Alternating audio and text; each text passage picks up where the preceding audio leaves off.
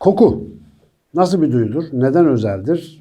Gerçekten özel midir? Diğer duyuları döver mi falan gibi bir konu oluşmuş gibi gözüküyor. Çünkü biz burada da kokudan çok bahsediyoruz. Kokunun bazı fizyolojik özellikleri hakikaten diğerlerinden farklı gözüküyor.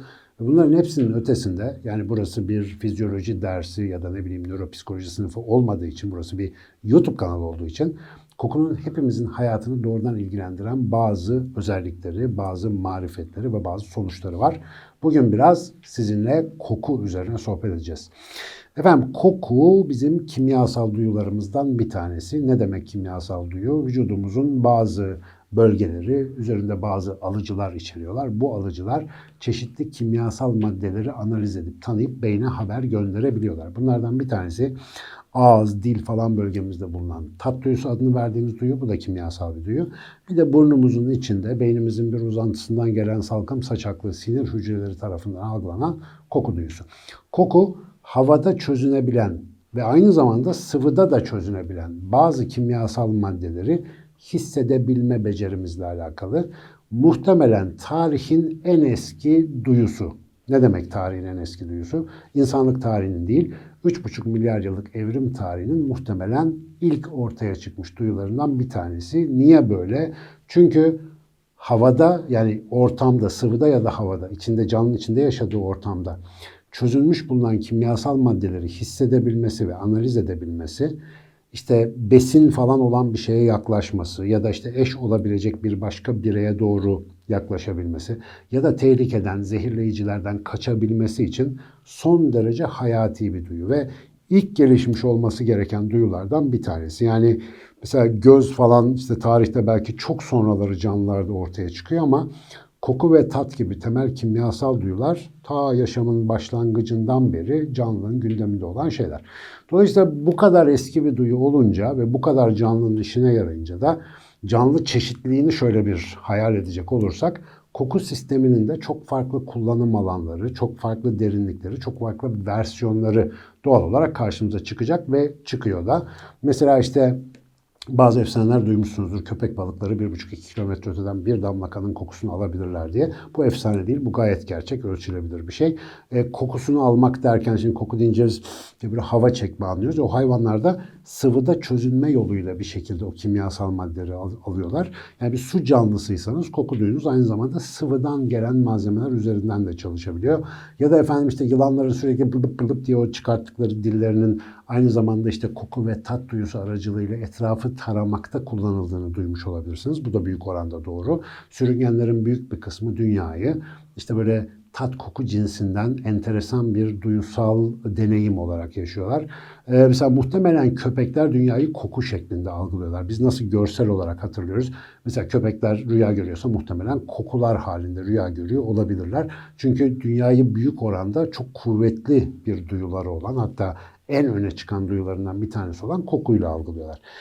Bizde genellikle şöyle denir, hani koku duyusu insanda zayıftır. Niye işte köpekte çok fazladır. Onlar koklayıp işte bir toz, bir gramlık eroini bile bilmem nelerin içerisinde bulabilecek kadar hassas burunlara sahipler diye. Doğru köpekler için. Bizim için koku duyusu az gelişmiştir demek pek doğru değil. Bizde koku duyusu bize yeterli olacak miktarda hatta biraz derinliğine girince baya baya marifetli oranlarda ve şaşırtıcı özellikleriyle mevcut. Bugün biraz birkaç örnek üzerine o şaşırtıcı özelliklerini konuşalım. Ve sadece bizdeki koku duyusun değil, diğer hayvanlardakinden de işte örnekler vererek bizimkini biraz daha iyi anlamaya çalışalım. Bir tıp öğrencisi ya da biyoloji öğrencisi koku sistemini ilk öğrendiğinde ilginç bir şey karşısına çıkar. İşte bizim bütün duyuların böyle yollarını öğrettiğimiz zaman biz deriz ki işte derimizdeki efendim dokunma e, alıcıları olsun, gözümüzdeki ışık, kulağımızdaki ses alıcıları olsun. Bunların hepsi sinirlerle aldıkları bilgiyi beyne doğru götürürlerken yukarı doğru çıkıp önce talamus diye bir yere uğrarlar. Daha önce talamus videosunda bundan detaylı olarak bahsettik. Talamus o verilerin nereye gideceğine, beynin hangi katmanlarına gönderileceğine karar verir ve dağıtım istasyonu olarak görev görüp işte sen şuraya sen buraya git gibi. Mesela parmağımızdan gelen dokunma duyusunu beynimizin şu üst tepe tarafındaki dokunma korteksi dediğimiz alana gönderen, yönlendiren yer aslında o ara santraldir. Bir tane duyu bu yolu takip etmez. O duyu da bugünkü konumuz olan koku duyusu. Koku duyusu da talamusa bir kopya gider. Yani bir kopya olarak gönderilir ama hiç talamusa uğramadan beynin doğrudan hem kortikal yani üstündeki o bilinçle falan ilgili e, bilinçli algılamayla ilgili alanlarına hem de subkortikal, korteks altı yani bizim bilincimizin dışında çalışan alanlara doğrudan bağlıdır. Arada herhangi bir aktarım istasyonu olmadan. Ve bu tabii ki birçok öğrencinin hemen dikkatini çeker ve şu soru otomatikman akla gelir. Yani bir koku duyusu niye böyle? İki nerelere bağlanıyor acaba? Çünkü arada bir filtre ya da yönlendirme istasyonu olmaması demek sizin koku duyunuzun doğrudan bilişinizi, duygularınızı, işte belleğinizi falan filan etkileyebilen bir özelliğe sahip olduğunu düşündürür ve hakikaten de öyledir. Koku duyusunun beyindeki bağlantılarını izlediğinizde ilginç şeyler görüyorsunuz. Mesela talamus denen o ara istasyona giden kopyalardan bir tanesi, sadece yan dallardan bir tanesi bizim bilinçli olarak Hı, bu gül kokusuna benziyor falan dememiz için gereken bilinçli algılamanın yolunu oluşturuyor. Ama bizdeki koku duyusunun pek ufak bir kısmı bununla alakalı. Bizde kokunun etkisi ağırlıklı olarak bilinç dışı sistemde gerçekleşiyor. Mesela koku duyusu nereden gelip nereye gidiyor diye şöyle bir bağlantılara bakacak olursanız beynimizin altında böyle iki tane ileri doğru çıkmış anten gibi beyin uzantısı vardır. Bunlara koku lobu adı verilir. Aslında beynin ilk orijinal hali sadece koku lobundan ibaretmiş. Geçmişe baktığımızda bunu anlıyoruz daha sade yapılı canlılarda. Bizim o kocaman beynimiz daha sonra milyonlarca yılda bunun üstüne gelişmiş ilave katlar gibi düşünülebilir. Yani beynin orijinali aslında iki tane anten gibi gördüğümüz çıkıntı. Bu anten gibi iki çıkıntı burnumuzun hemen içine girdiğimizde şöyle üstünde bir tavanı vardır burun boşluğumuzun. Orada da içinde delikleri olan bir kemik var. Onun üstüne yatıyor böyle. Şeyin ızgaranın üstündeki biftek gibi iki tane beyin parçası düşünün. Ve beyin parçalarından aşağı doğru böyle saçaklar çıkıyor. Bu saçaklar sinir hücrelerinin uzantıları. Nereye çıkıyor? Delikli kemiğin içinden burun boşluğumuzun içine kadar sarkıtılıyorlar bunlar. Ve üzerlerinde de hani mukoza deniyor ya vücudumuzun o giriş kısımlarında bulunan derinin yerine geçen o işte hafif ıslak yapıdaki kaplamalara burun mukozamızın üzerini kaplayan mukus ya da işte sümük dediğimiz yapının içerisine yerleşmiş vaziyette. Şimdi buradan başlayacak koku. Çünkü alıcılar bu saçak gibi olan sinir hücrelerinin ucunda yer alıyor. Bunlar işte bazı kimyasal maddeleri bağlayabilen moleküler e, alıcılar.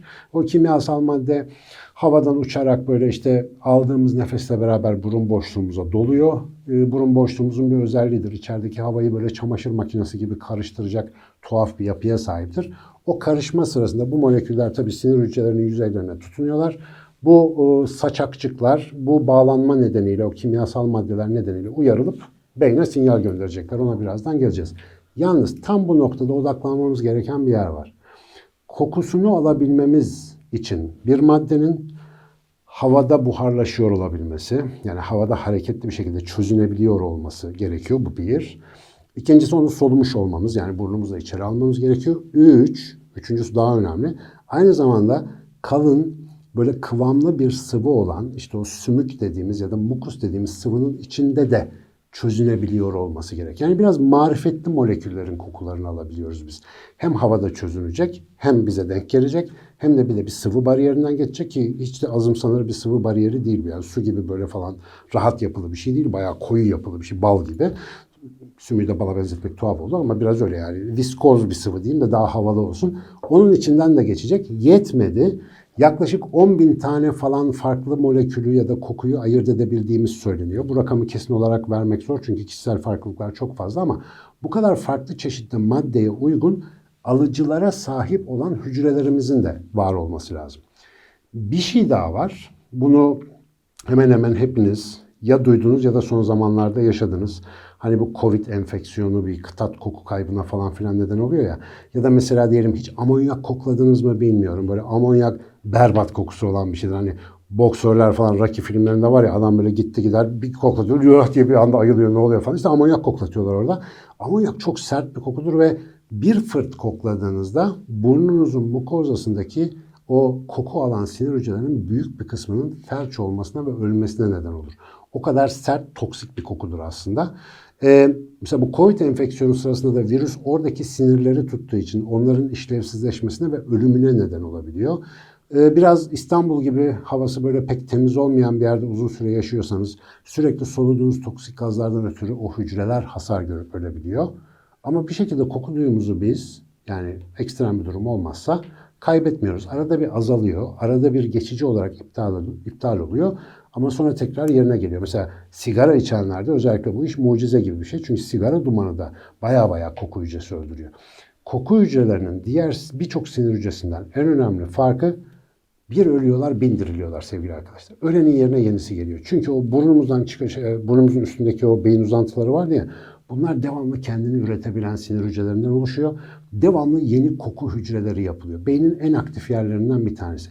Zira düşünün dışarıya o kadar açıksınız. Havalan her türlü kimyasala maruz kalıyorsunuz. Hele bir de 20-21. yüzyılda sanayi devriminin doğru açıktığı zamanlarda yaşıyorsanız büyük şehirlerde toksisitenin, zehirli maddenin sınırı yok. Dolayısıyla böyle bir ortamda ancak böyle bir koku sistemiyle yaşayabilirsiniz. Devamlı kendini yenileyen sinir hücrelerinden yapılıysa eğer. Bu özelliği nedeniyle koku hücreleri işte bu omurilik yaralanmaları gibi zor iyileşen ya da iyileşmeyen sinir hasarı rahatsızlıklarında çok fazla deneniyor, kullanılıyor. Sınırlı oranda da başarıya sahip. İnsanda çok değil ama işte bu farelerde falan filan omurilik felcinden sonra oraya koku lobundan aldığınız sinirleri koyuyorsunuz. Hayvan baya baya birkaç hafta sonra yürümeye başlayabiliyor. Çünkü o sinir hücreleri üreme özelliklerini orada da kullanıp omuriliği onarabiliyorlar falan. Devamlı yenilenen bir duyumuzdan bahsediyoruz. Peki bu hücreler devamlı yeniliyorlar da ne yapıyorlar? Kokuyla nasıl bir duyusal ilişki içindeler?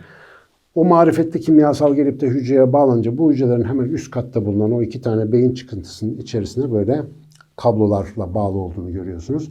İçeri girdiğinizde mikroskopik olarak tabii ki müthiş bir manzarayla karşılaşıyorsunuz. Beynin en karmaşık yerlerinden bir tanesi koku loblarımızın ta kendisi.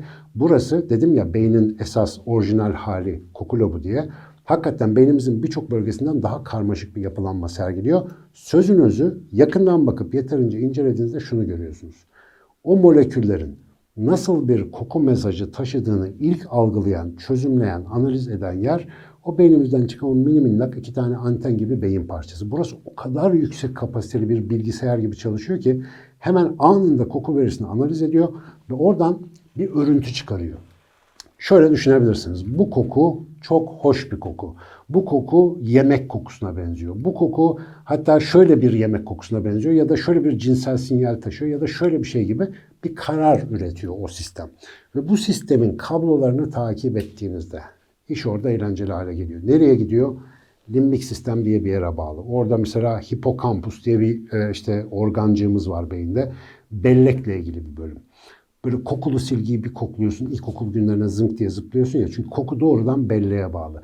Bir koku sana çok hızlı bir şekilde anını hatırlatabiliyor. İşte eskiden efendim işte çaya e, petibör bisküviyi batırır yerdik. Birisi o böyle çaylı petibör bisküvinin kokusunu duyar duymaz bir anda annesinin kabul günlerinde oturan 5 yaşındaki haline zık diye ışınlanabiliyor. Hatta o günü böyle çok canlı bir şekilde yaşayabiliyorsunuz. Niye? Koku hafızanın anahtarı gibi. Oraya varıp daha önce kayıtlı olan bir şeylerle eşleştiği anda sandıkları açıp arşivden bir sürü anının çıkmasını sağlayabiliyor. Başka hemen hipokampusun önünde amigdala diye buradaki artık açık beyin takipçilerinin çok yakından tanıdığı bir beyin bölgesi var. Kırmızı alarm bölgesi, stres, öfke falan gibi şiddetli duygulanımların yönetildiği yerler oraya gidiyor. Orada ne yapıyor? Güzel bir kokuysa amigdalaya diyor ki sakin çok güzel kokuyor burası. Kötü bir kokuysa diyor ki coşalım buradan çıkalım burası problemli bir yere benziyor. Mesela size iğrenç gelen bir koku mesela çürümüş et kokusu işte ceset kokusu falan gibi şeyler bize niye çok itici geliyor? O kokuyu alır almaz bir anda ne yapıyoruz? Iı, yüzümüzü buluştu böyle geri kaçıyoruz. O geri kaçma reaksiyonunu daha başlamadan önce amigdalamız stres merkezi diyor ki burada bir problem var hızla uzaklaşmamız lazım e, stres refleksleri silsilesini devreye sokuyor. Yine kabloları izleyin başka bir yere daha gidiyor. Beynin tiksinme merkezi. Birçok işinin yanında tiksinme işinde yapan e, insula dediğimiz bölgeye gidiyor. Beynin gizli bir lobu içeride. Orası özellikle bizi hayatta tutmak için çok çok önemli olan tiksinme duyusunun yönetildiği yer. O yüzden kokuyla herhangi bir besinin bozulmuş olduğunu çok hızlı anlayabiliyoruz. Çünkü o tiksinme bir anda bizi oradan şiddetli bir şekilde uzaklaştıracak bir dizi reaksiyonu tetikleyen çok karmaşık bir zihinsel mekanizmayı başlatıyor. İyi ki de oluyor. Çünkü hani tabiatta böyle kimya laboratuvarı, son kullanım tarihi, işte bu ne zaman geldi falan filan gibi e, sorgulamaları yapabilme imkanımız olmadığı için hayatta kalmamızın en büyük garantisi yenilebilecek ve yenilemeyecek şeyleri bunun gibi duyularla ayırt edebilmek. Bu bağlantılara baktığınızda koku duyusu çok yaşamsal. Ama şimdiye kadar hep alabildiğimiz, fark edebildiğimiz, bilinçli olarak ifade edebildiğimiz, tarif edebildiğimiz kokular üzerinden konuştuk. Bu hikayenin sadece küçük bir parçası. Zira dedim ya, algılanabilir kısmı çok küçük bir kısmıydı. Algılanamaz bazı özellikleri var. Mesela şu anda bu videoyu nerede izliyorsunuz bilmiyorum ama size bir soru sorsam. İçinde bulunduğunuz ortam nasıl kokuyor acaba? O ne biçim soru diyeceksiniz. Çünkü şu anda muhtemelen belli bir süredir burada oturuyorsanız burada bir koku almıyor olmanız lazım. Koku duyusu çok hızlı adapte olan bir duyudur. Ne demek? İyi ya da kötü bir kokuyu ilk başta çok kuvvetli olarak algılarsınız. Sonra yavaş yavaş beyniniz der ki ya tamam koku devam ediyor. Dursun ben bunu artık algılamayayım. Ama ve lakin bilinçli olarak algılamasanız bile o kokunun bilinç dışı zihinde işlemlenmesine devam ediliyor. Bunu biraz kolaylaştırmak yani o adapte olmuş koku duyunuzu acık uyandırmak için şöyle diye birkaç tane derin burnunuzdan nefes alarak ortamı bir koklamayı deneyebilirsiniz. Bir yapın onu. Bir kokla şöyle ortalığı. Baskın koku nasıl bir şey? Hissettiniz mi öyle bir, bir baskın koku geliyor mu etraftan? Çok basit bir şey yapacağız. İki kategori var. Nahoş bir koku mu var etrafta baskın olarak yoksa hoş bir koku mu var? Bu iki duruma göre iki farklı durumda olduğunuzu rahatlıkla söyleyebilirim. Eğer ortamda siz fark edin etmeyin nahoş bir koku hakimse şu anda bilişsel kapasiteniz normalden ölçülebilir düzeyde daha düşük. Çünkü nahoş bulduğunuz bir kokulu ortamda o kokuyu algılamasanız bile beyniniz sürekli hadi gidelim gayrı buradan falan modunda çalışıyor. Yani orayı hoş bulmadığınıza dair bütün negatif beyin mekanizmalarına devamlı sinyal gönderiyor. Sizin bilinciniz bundan haberdar olmasa bile. Hoş kokulu bir yerdeyseniz ise şu anda optimal, gayet güzel bir performansla çalışan bir zihniniz olduğunu söyleyebilirim. Çünkü güzel koku bir şekilde bize diyor ki burası güzel, rahat, tehlikesiz hatta besleyici bir ortam. Sen buralarda takıl, buralarda yaşamını devam ettir. Böyle vücudumuzu, beynimizi, zihnimizi sakinleştiren, dingilleştiren parasempatik sistem dediğimiz sistemi aktive ettiğinden dolayı iyi koku bize iyi hissettiriyor. Kötü koku kötü hissettiriyor. Dikkat ediniz, altını çiziyorum, bilinçli olarak fark etmesek bile. Günlük hayatımızda bu sandığımızdan daha fazla etkili olabilir. Yapılan çalışmalar ortam kokusunda insanların bilinçli olarak fark etmediği derecede yapılan uzun süreli değişikliklerin bilişsel performans, öğrenme performansı gibi şeyleri belirgin oranda etkilediğini gösteriyor. Kestirme bir öneri, ders çalıştığınız, bir şeyler öğrenmeye çalıştığınız bir ortamdaysanız turunçgil kokusu, limon kokusu gibi böyle ferahlatıcı, rahatlatıcı kokuları arada bir ortamda hissedebileceğiniz bir takım kaynaklar, işte ne bileyim esanslar, tütsüler bir şeyler olabilir. Olabildiğince doğal olursa daha güzel olur. Ee, limonun, portakalın kendisi olabilir. Bunları ortamda bulundurmanız bilişsel kapasitenizi arttırıyor. Tam tersine hani böyle biraz bekar evinde yaşayan erkek öğrenci modeli böyle her şey bir yerde işte kül tablalarında sigara falan filan gibi böyle nahoş kokuların çok bulunduğu bir ortamda belki kendinizi rahat hissediyorsunuz ama bilişsel performansınız normalden düşük oluyor. Ama bu da hikayenin çok küçük bir kısmı. Esas hikayenin büyük kısmı, ilginç kısmı ve akıl durduran kısmı buzdağının altında kalan, pardon, buzdağının suyun altında kalan büyük bölümünü oluşturan feromonlar diye kokusuz koku ormanları ile ilgili bir bölüm var ki daha önceki bir soru yorum bölümümüzde bunu da detaylarıyla işlemiştik. Lütfen o tarafa bir şöyle göz atın ve o videonun altına eğer böyle aklınızda uyanan ilginç gelen bir şeyler varsa not alın. Bunun devamına da oradan girelim. Koku duyusu çok özel ve üzerine ciddi ciddi eğilmemizi hak eden, bizi çok etkileyen duyulardan bir tanesi. Güzel kokulu, güzel raihalı bir yaşam diliyorum. Aa bir dakika bak gene bir şey unuttum. Söylemem lazım. Yani unuttum derken aslında bunu söylemeden bir şeyler eksik kalıyor. Mesela koku koku kapanırken dedim ya güzel raihalı günlerde. Raiha ne demek raiha? Raiha eski dilde koku demek. Pek kullanmıyoruz bugün bu ifadeyi ama nereden geliyor? Ruh sözcüğünden geliyor. Bir şeyin ruhu, özü, tuz ruhu mesela. Hani tuzun böyle sıkıştırıyorlar mıkıştırıyorlar o yoğun halini yapıyorlar ya ona ruhu deniyor mesela. Peki İngilizce'de kullandığımız o koku ile ilgili kelimelere bakın. Mesela esanslara falan ne diyor? Esans diyorlar bu kadar. Esans Fransızcalar gibi. Ne demek? Essence İngilizcesi. İşin özü, özü. Ya da mesela spirit nedir? Ruh. Spirit aynı zamanda uçucu koku anlamına geliyor. Bak dikkat et. Her şey ruhu, özü, böyle içeriği, çekirdeği falan gibi anlamları var. Bizdeki koku kelimesi böyle bakınca biraz moral bozucu duruyor. Yani pek bu köklerle bağlantılı değil. Ama bu raiha kelimesinin birkaç yüz hatta belki bilmiyorum bin yıldır mı kullanıyoruz, ne kadar kullanıyoruz.